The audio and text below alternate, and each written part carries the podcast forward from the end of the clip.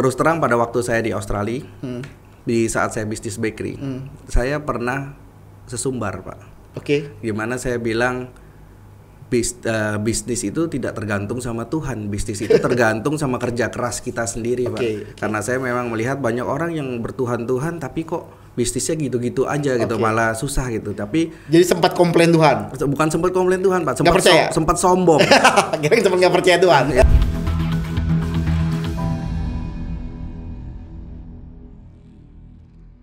Selamat sore Sobat Ayo Jadi Pengusaha. Balik lagi ketemu dengan saya Angga Wira Sebagai host eh, dari Ayo Jadi Pengusaha eh, Kanal inspirasi para milenials, para anak muda Yang ingin tentunya menjadi pengusaha, menjadi seorang entrepreneurship. Alhamdulillah sore hari ini kita kedatangan tamu yang sangat spesial Yaitu sahabat saya. Nah, Ini konco saya, ini teman saya eh, Bro Erwin Suryadi. Aduh, kita berikan applause dulu untuk beliau. Bro Erwin ini eh, bukan hanya teman tapi udah seperti saudara sama saya.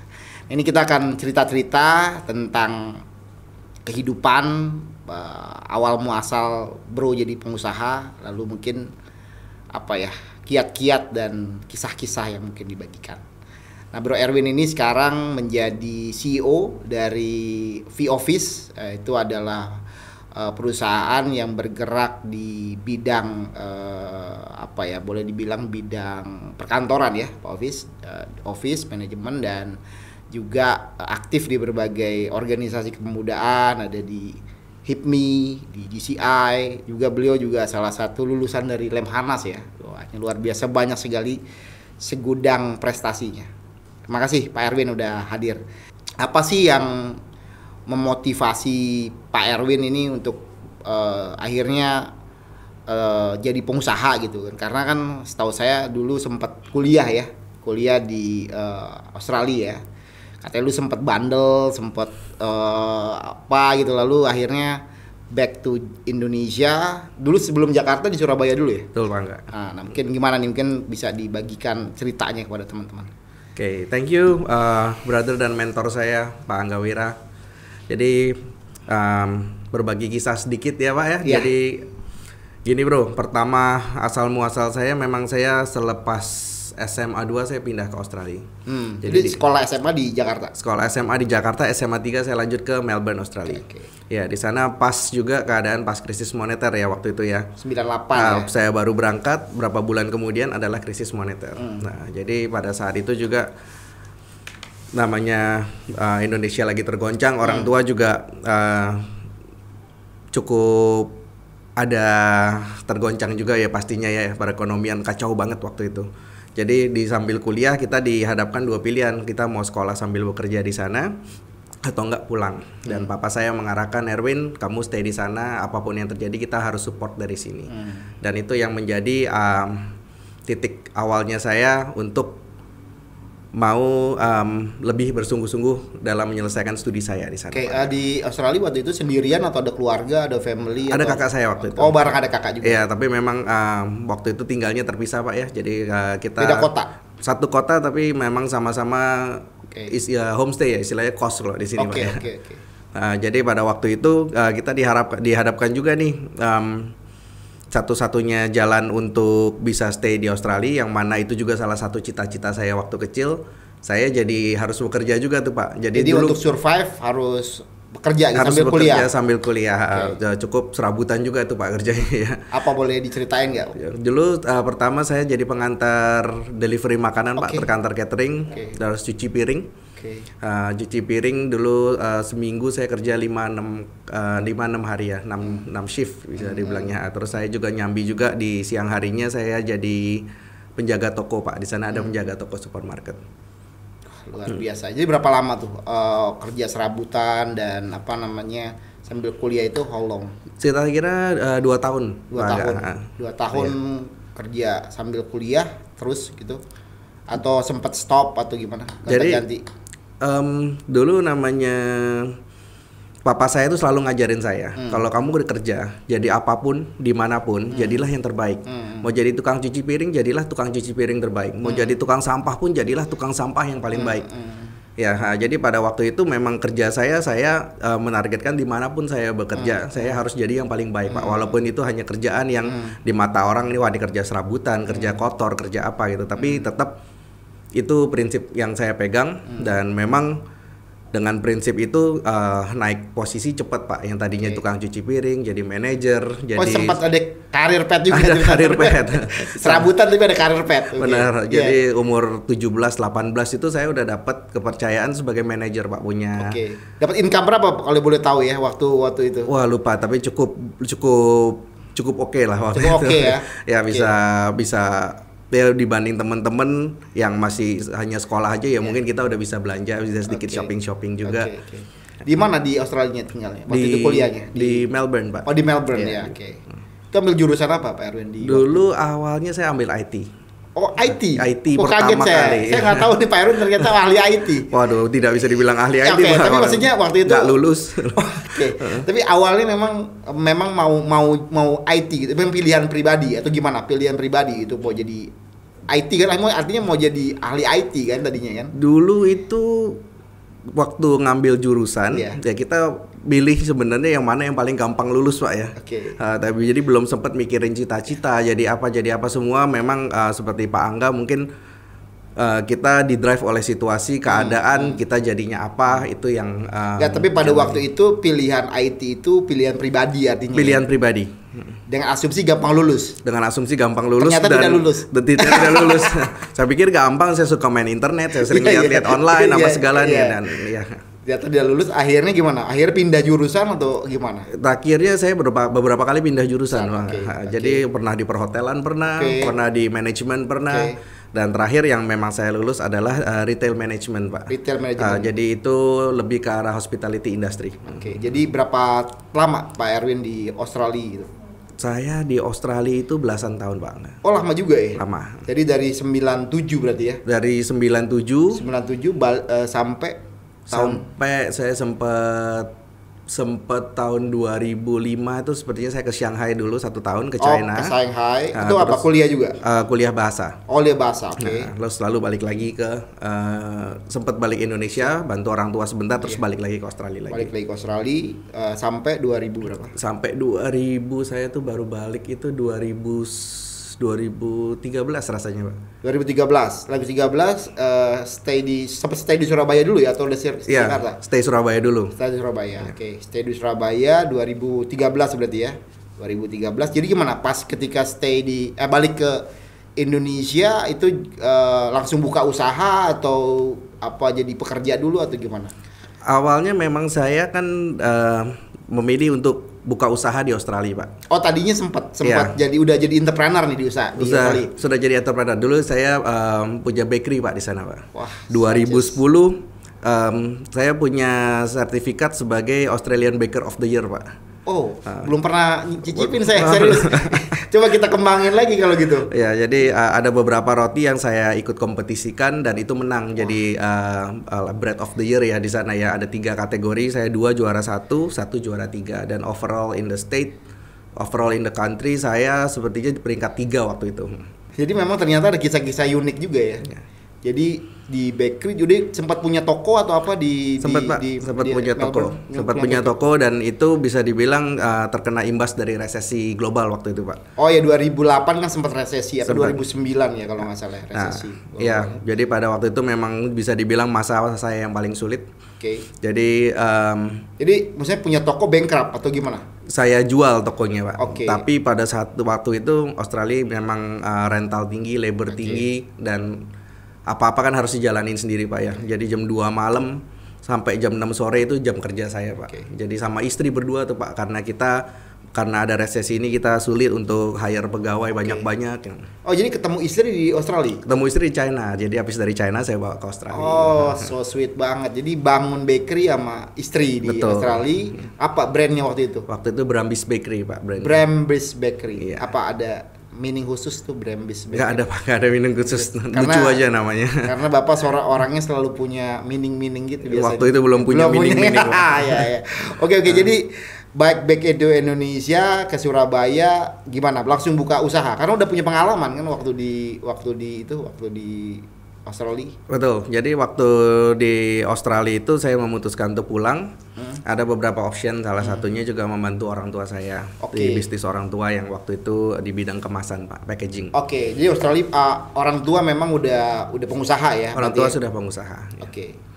Back to Surabaya jadi gimana? Jadi pada waktu balik saya memang diberikan beberapa pilihan dan kebetulan ada teman-teman saya yang uh, di industri ini Pak virtual office ini. Oke. Nah, waktu itu virtual office orang belum tahu ini apa ini. gitu. Jadi um, saya ambil challenge itu, saya juga disupport sama teman-teman. Ayo Win, uh, bangkit kembali. Uh, we will help you to stand on your own feet katanya. Kita bantu kamu berdiri di atas kakimu sendiri.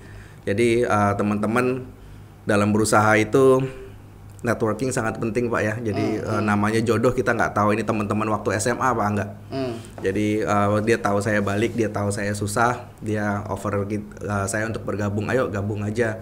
Tapi pertama saya diberi amanah untuk menjalankan bisnis di Surabaya dan di Bali pak waktu itu. Oh jadi uh, pertama memang udah ada teman yang memang udah bisnis di virtual office itu Betul, ya. Dan Pak Erwin join profesional dong waktu itu. Waktu itu di langsung jadi partner tapi untuk Surabaya dan Oke, Bali. artinya ditawarin untuk berinvestasi, terus jadi partner, terus megang uh, brands atau wilayah untuk untuk Surabaya ya. Ya betul. Oke. How long Pak? Jadi apa sih gini? Apa eh, challenge-nya? Artinya challenge utama ketika balik ke Indonesia, eh, terus buka bisnis, pasti kan nggak nggak mudah kan? Karena kan udah belasan tahun di luar, pasti kan environment-nya, apa kan apa ya eh, situasinya kan juga change gitu. Apa challenge utama Pak Erwin yang dihadapin ketika eh, di Surabaya waktu itu? Oke, jadi di Jakarta aja pada waktu itu kantor virtual memang belum umum, Pak ya. Jadi Iya, iya. em, kita jelasin orang, eh ngantor di kantor virtual apaan nih gitu. Nah, jadi years ago ya itu ya kira-kira. ya kira-kira 7 to 8 years Iya, iya, ago. baik, Nah, oke. Jadi pada waktu itu waktu ke Surabaya apalagi nih, Pak. Jadi Oke. kita harus mengedukasi market. Oke. Padahal maksudnya eh, kantor virtual itu di berbagai negara udah common ya. Sudah sebenarnya. common dari common ya, tahun tuh. 97 di Amerika Udah- memang sudah udah ada, ada ya. dan di seluruh kota besar di dunia sudah ada. Oke. Oke. Jadi mengedukasi ya, Mengedukasi produk tersebut ya. Iya, betul, Pak. Oke. Jadi masuk edukasi tapi gimana? Eh, perkembangannya sendiri setelah Pak Erwin jalanin di di Surabaya tuh kayak gimana?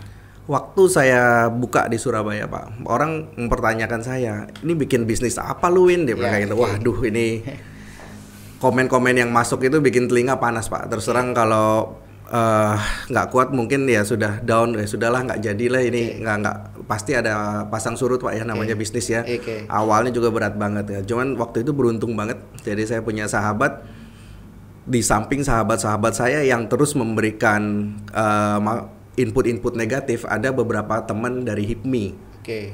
Jawa Timur, Timur. Surabaya, HIPMI Malang yang dan Kadin di sana yang benar-benar merasa ini Erwin, this is a solution for Oke. the uh, business people in Indonesia. Small business maybe ya. Betul, Yang- gimana kita bisa bantu kamu. Nah, itu awal mulanya, Pak. Jadi te- pertama kalinya saya merasa eh HIPMI Kadin adalah um, penting banget uh, buat perjalanan karir saya dan bernetworking itu adalah salah satu kunci supaya uh, bisnis bisa terus sustain dan uh, sukses, Pak. Jadi mungkin apa ya eh, kesimpulannya ketika itu perlu ada ada di lingkungannya tepat juga ya berarti Benar, ya. Pak. lingkungan tepat dan ketemu dengan banyak orang yang memang punya energi positif kali ya. Betul. Gitu ya. Oke oke. Jadi how long Pak Erwin stay di Surabaya akhirnya kan pindah ke Jakarta kan? Betul. Jadi eh, dua tahun saya di Surabaya dan habis itu mulai dipercaya untuk eh, mulai sedikit-sedikit buka di Jakarta bersama-sama, Pak. Oke. Nah, dan pada saat itu juga kalau Bapak ingat 2016 sempat ada pelarangan virtual office.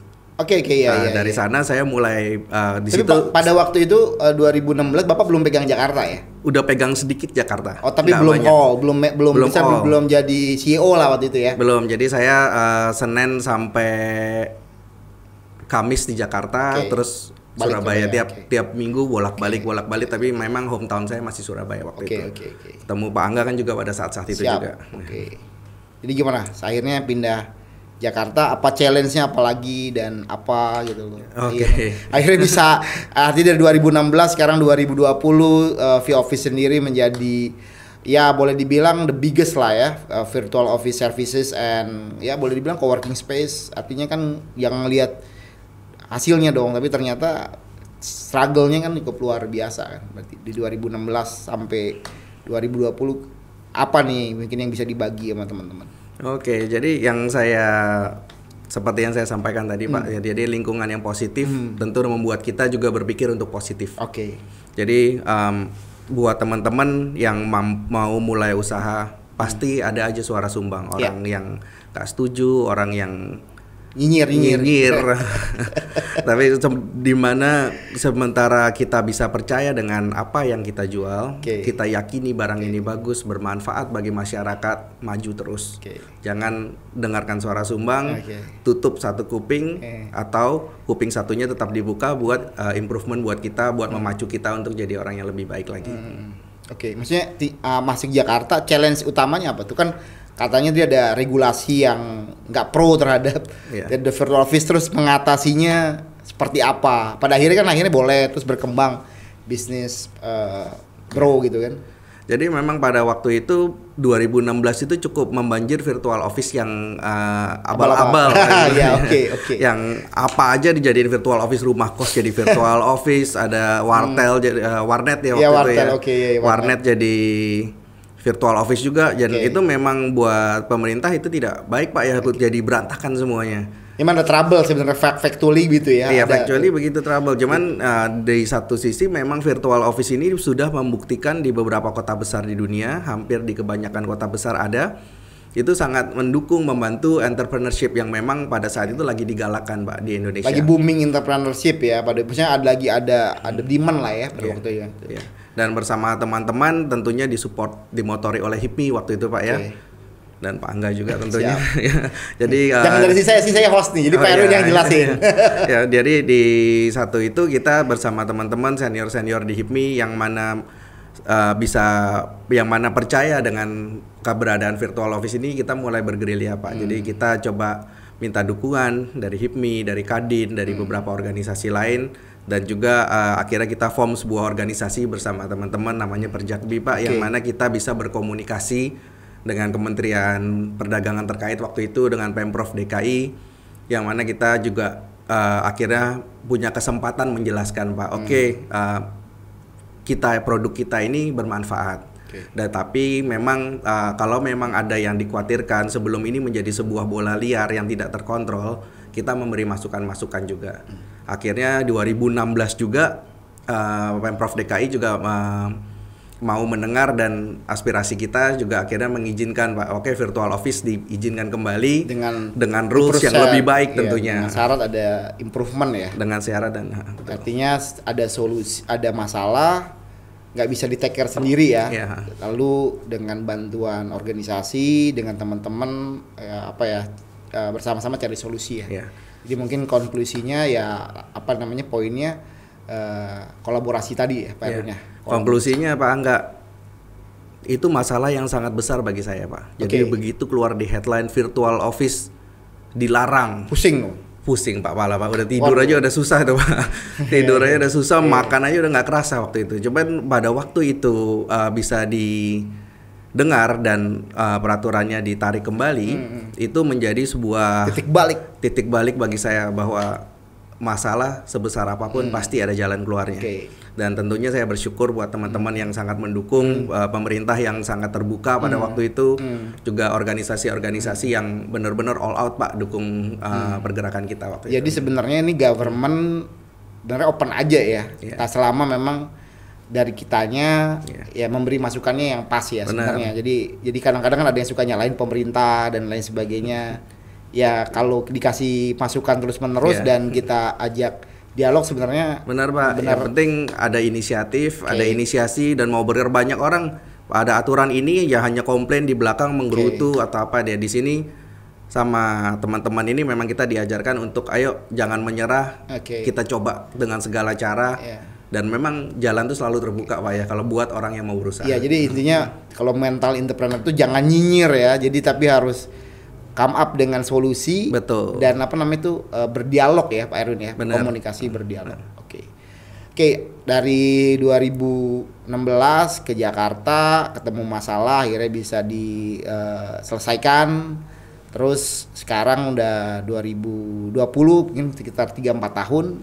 Apa tuh, Pak? Eh, kira-kira eh, ekspansinya atau seperti apa perkembangannya sendiri gitu. Oke, jadi eh, semenjak 2016 itu Ya. memang eh, networking jadi jauh lebih terbuka pak ya. Hmm, Jadi termasuk teman-teman di pemerintahan, apa dari kita rutin berdialog Hmm. itu semua bisa menjadi eh, sahabat pak ya, bisa jadi teman, Hmm, saling memberi masukan dan dari situ juga eh, kita mulai mem- apa ya mulai ekspansi pak ya, Hmm, mulai berani ekspansi kembali. Ya saat ini memang sudah hampir ada 25 lokasi di Indonesia. 25 lokasi ya. Ya, kota Untuk virtual office ya. Bener, eh, kota besar juga kita sudah mulai masuk Pak, Bali, Medan, Bandung, Surabaya, Oke, eh, Jabodetabek semua sudah Oke. eh, kita punya center di masing-masing di sana. Oke, jadi udah 25 yang tadi 2016 masih berapa? Mungkin enam kali ya Pak. ya. 6 hikam gue ya, luar biasa. Jadi apa eh, kuncinya untuk ekspansi seperti itu apa?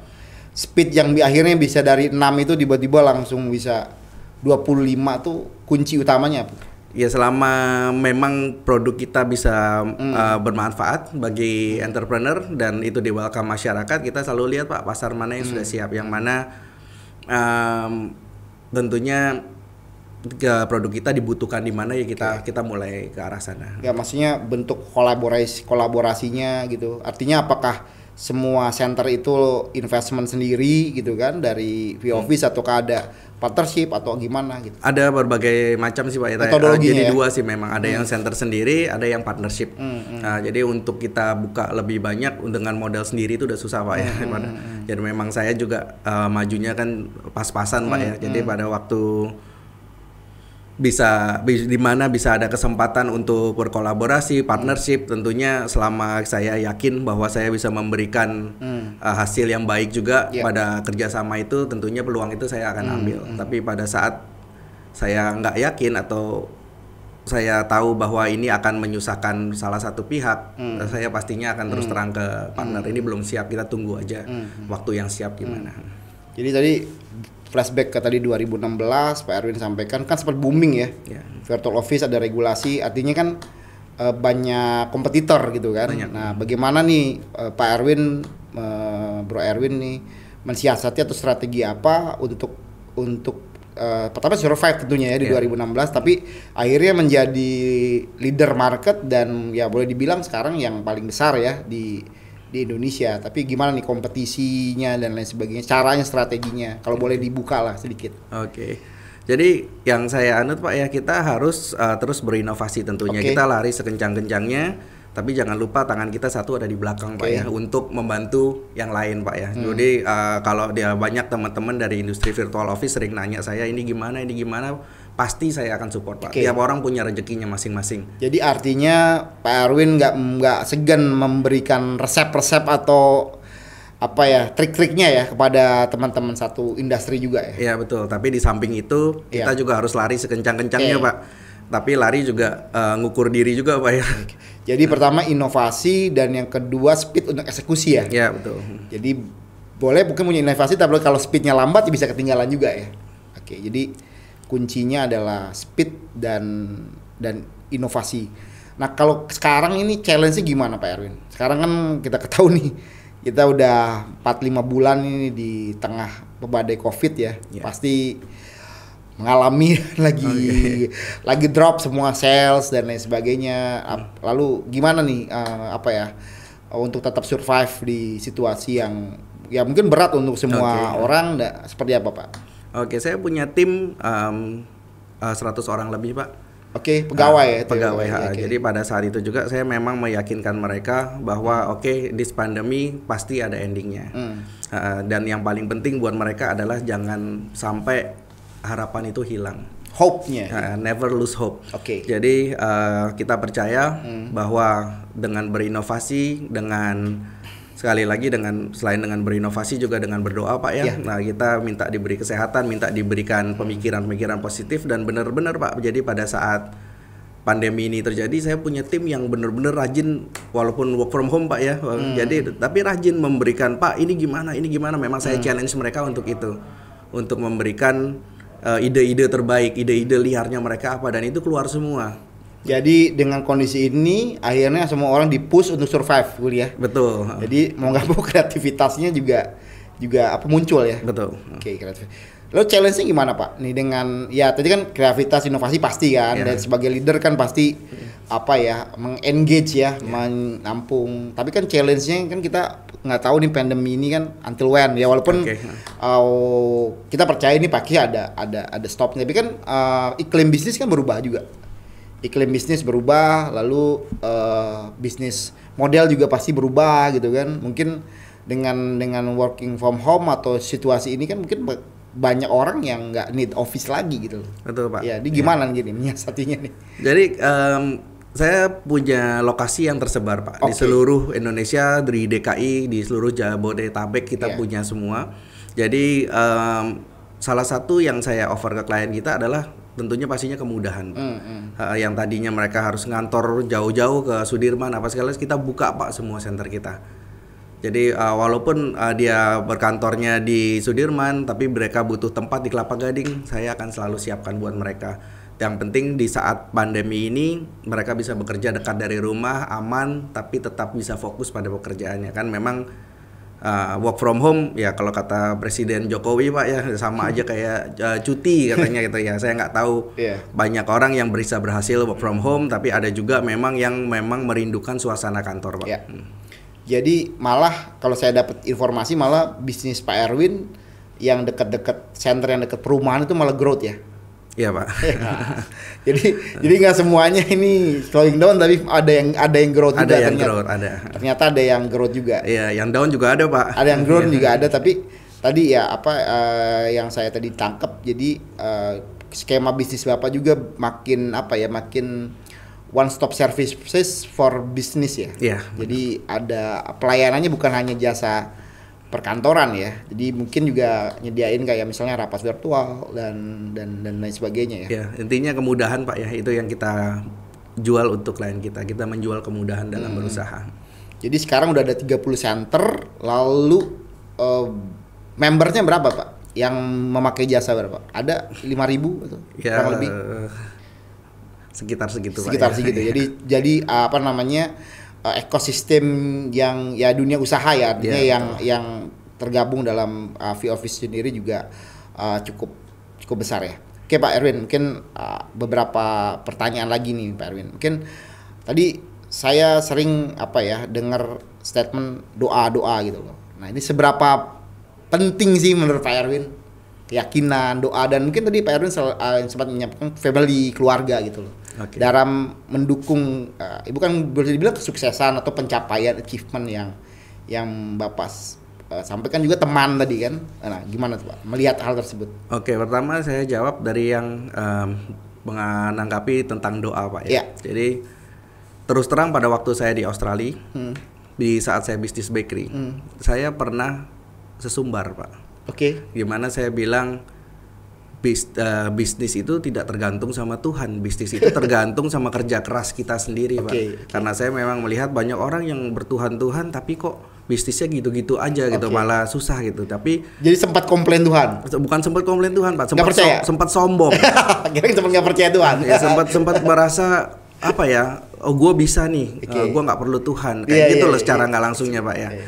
Tapi Pencarian lah anak muda kan usia segitu ya Iya. pencarian ya kan. Benar, nah, tapi ya kita harus tahu juga pada saat Tuhan tutup pintu, tidak ada manusia yang bisa membuka, Pak. Hmm, hmm. Di saat Tuhan mau buka pintu, tidak ada manusia pun yang bisa menutupnya, Pak. Itu yang saya pegang sampai saat ini.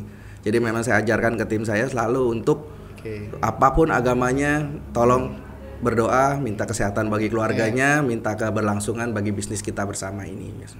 Jadi momentumnya pada saat itu sempat nggak percaya apa yang menyebabkan pada akhir Pak Erwin, ah gue harus harus harus boleh dibilang harus aku kalau bilang Islam ini ya ber, berpasrah diri lah berdoa apa momentumnya yang akhirnya bisa kayak gitu gitu loh. Ya pada saat saya harus eh, tutup bakery saya itu Pak di Australia itu pembelajaran yang sangat mahal. Gitu ya. Ya, tapi di sana juga saya sangat mensyukuri bahwa di mana kita kembali ke Tuhan, minta pengampunan, minta maaf, segala jalan pasti akan dibukakan lagi selama kita percaya dan kita eh, taat pada ajaran-ajarannya. Oke, yang lainnya Pak tadi ada beberapa question. Oke, the is- eh, keluarga Pak Family ya, Nah, family. Oke ya, saya punya keluarga yang eh, bisa dibilang eh, cukup mampu Pak ya. Hmm. Jadi sebenarnya untuk membantu saya keluar dari masalah itu, papa saya sebenarnya juga bisa membantu. Secara gitu. ekonomi, Secara ekonomi, ekonomi iya. finansial gitu ya. Betul. Tapi kan memang dalam bisnis kita tidak boleh menyerah gitu aja Pak Iya. ya. Oke Pak, minta tolong gitu. Dia udah susah, udah bukan prinsip itu yang orang tua saya. Ya, you never do that. Saya Until nggak- when? Until sekarang nggak pernah coba lakukan itu. Ya saya selalu minta masukan beliau. Ya, tapi maksudnya secara arah-arah. secara finansial ada ya sempat bankrupt, sempat masalah apa pernah Pak minta duit dong atau Pak ini dia pasti support waktu itu. Oke. Jadi dia tahu saya Oke. hidup saya susah, dia akan dia support support Oke. sedikit sedikit dia support. Tapi dia tidak mensupport saya untuk menyelesaikan masalahnya dengan duit, Pak. Oke. Jadi dengan itu saya harus berpikir terus nih gimana nih supaya bisa bayar listrik, gimana supaya bisa bayar Oke, rental, oke. gimana uh, bisnis ini uh, susahnya dia pingin saya merasakan, Hmm, Pak.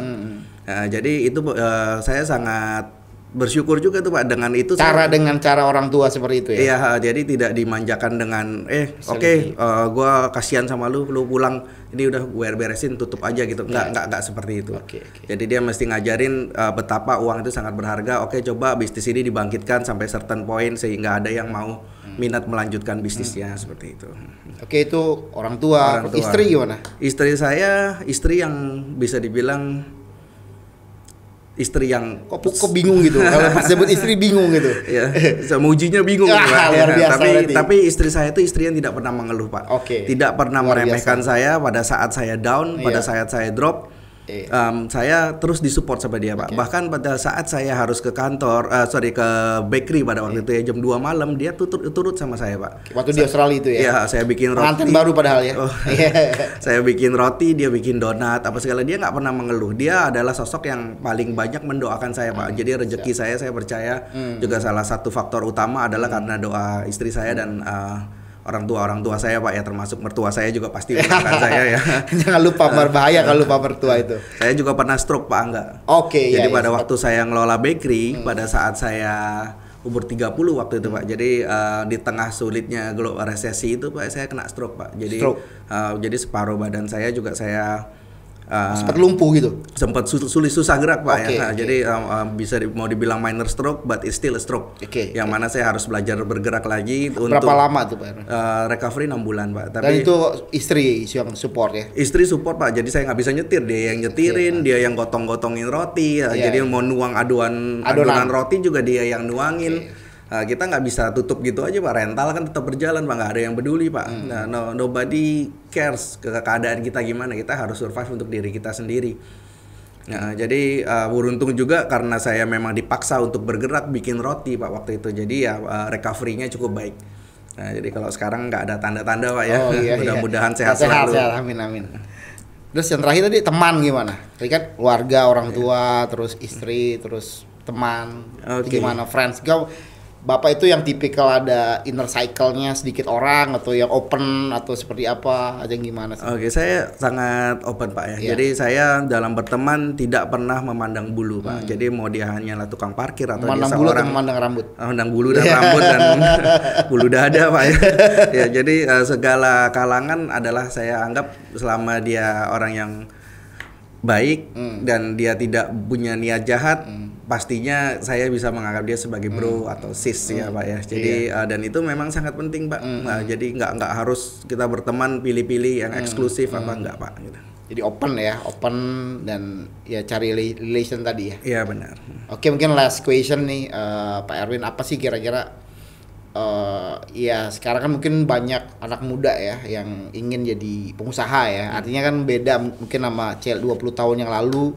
Mungkin banyak orang tua juga pengennya anaknya jadi PNS karyawan atau jadi apa TNI Polri. Tapi right now mungkin banyak yang mungkin udah lebih eh, pengusaha itu menjadi option gitu kan. Option yang mungkin bukan terakhir tapi eh, ya first lah gitu kira-kira. Oke. apa kira-kira uh, tipsnya nih untuk para uh, anak-anak muda yang yang ingin join atau milih pengusaha jadi profesi gitu Oke, ada tiga tips dari saya Pak ya. Hmm. Jadi pertama memang uh, seperti yang orang tua saya ajarkan selalu kamu mau jadi apa pun jadilah yang terbaik. Oke, itu tetap best. itu tetap harus dipegang, Pak. Oke. Jadi jangan pernah mengeluh apa pun yang kamu kerjakan. Oke. Berusaha jadilah yang terbaik Hmm. dan itu pasti akan uh, menghasilkan sesuatu.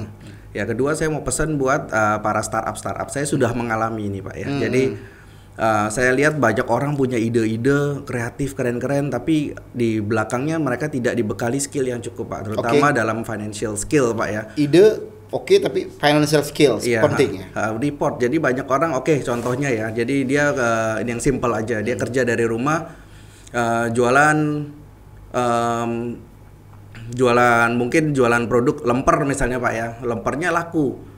Tapi jangan lupa lemper atau bakso deh misalnya ya. Ha, Lemper atau bakso jangan lupa bahwa di rumah itu selain kita beli bahan baku, lemper dan isinya ketan dan isinya ayam, di sana ada banyak faktor lain, Pak. Nah, di mana uh, ada juga uh, dapurnya, jangan mentang-mentang dapurnya orang tua nggak ikut bayar gasnya. Nah, terus ada pengeluaran-pengeluaran lain, air, pembantu, Expense, apa segala iya. itu dihitung. Dan juga dalam hal membaca, dalam hal membaca jurnal, dalam hal membaca laporan keuangan itu harus benar-benar tepat gitu. Dan juga um, jangan fokus ke produk-produk-produk juga, tapi lihat laporan ini seperti apa. Dan bisnis tidak selalu mulus selalu punya rencana cadangan. Jadi fa- jadi gini, uh, finance tapi gimana nih uh, finance itu keahliannya bisa bisa bisa didapat seperti apa? Kan mungkin kalau harus belajar finance secara ini kan sulit kan. Nah, ini gimana nih? Untuk yang yang mungkin small small entrepreneur gitu kan. ya cukup bisa membaca uh, laporan laba rugi pak Oke. ya. Jadi um, Jadi harus di write down juga ya harus berarti. di write down pengeluarannya tertata jelas. Misalnya jual bakso ya ba- eh, dagingnya berapa bakminya berapa gasnya berapa minyaknya berapa itu semua harus tertata rapi. Penjualannya sehari ini yang terbuang berapa apa segala colong ya itu harus di, di- dihitung benar pak ya. Jangan kita ngelihat oke hari ini untung wah untung untung untung untung tapi eh, di saat em, tidak untung hujan itu jadi faktor juga pak ya. Nah, terus eh, banyak hal seperti eh, timing Pak, mungkin lagi masa liburan di mana Oh, timing ya. ma- bulan puasa atau apa segala itu kan eh, banyak yang harus di switch ya. jadi dagangnya mulainya agak sorean dikit atau agak lebih pagi. Nah itu faktor-faktor seperti itu eh, harus tertulis semua pak dalam laporan-laporan keuangan. Eh, bikin kalau nggak kalau sulit bikin yang resmi ya bikin seadanya tapi cukup lengkap pak ya yang bisa dimengerti sendiri Hmm, jadi harus di write down in detail ya. write down in Jangan sampai ada yang kelewat. Ya, maksudnya karena masih pakai misal tadi gasnya orang tua atau listrik Iya. orang tua itu nggak dicatat padahal itu bagian dari biaya yang Betul, harus di iya yang hitung no bikin bukan dia pembantunya yang suruh bangun pagi-pagi bikin uh, SDM bakso, cost, ya. SDM semua itu cost semua Iya, iya, oke. Hmm, dan yang ketiga pak ya menjadi seorang pengusaha berarti kita ini diberi amanah untuk menjadi guru untuk staff-staff kita pak. Kita harus menjadi mentor yang baik. Kita punya pegawai dengan berbagai macam karakter. Hmm.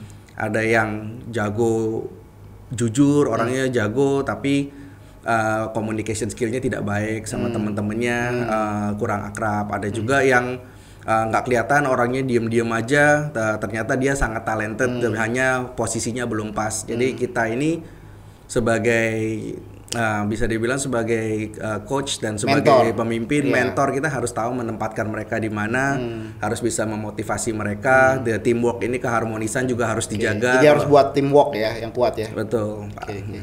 Jadi kuncinya juga harus harus bisa membaca talent talent daripada tim Iya, ya. harus selalu percaya juga bahwa setiap orang punya kesempatan dan potensi Hmm. yang sama untuk berkembang, Pak.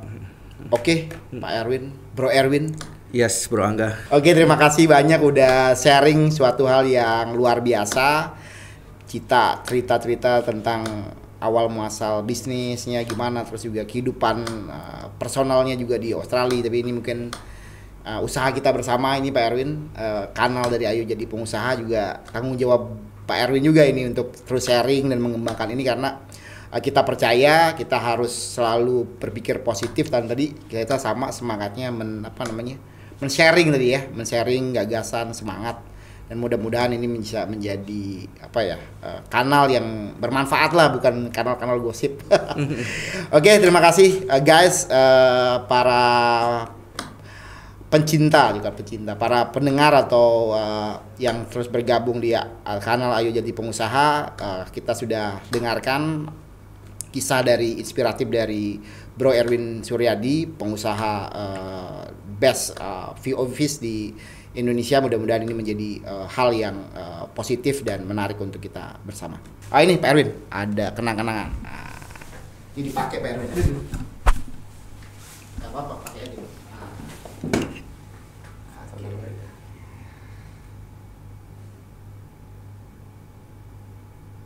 Oke. Okay. Oke, okay, thank you. Terima kasih Pak Erwin.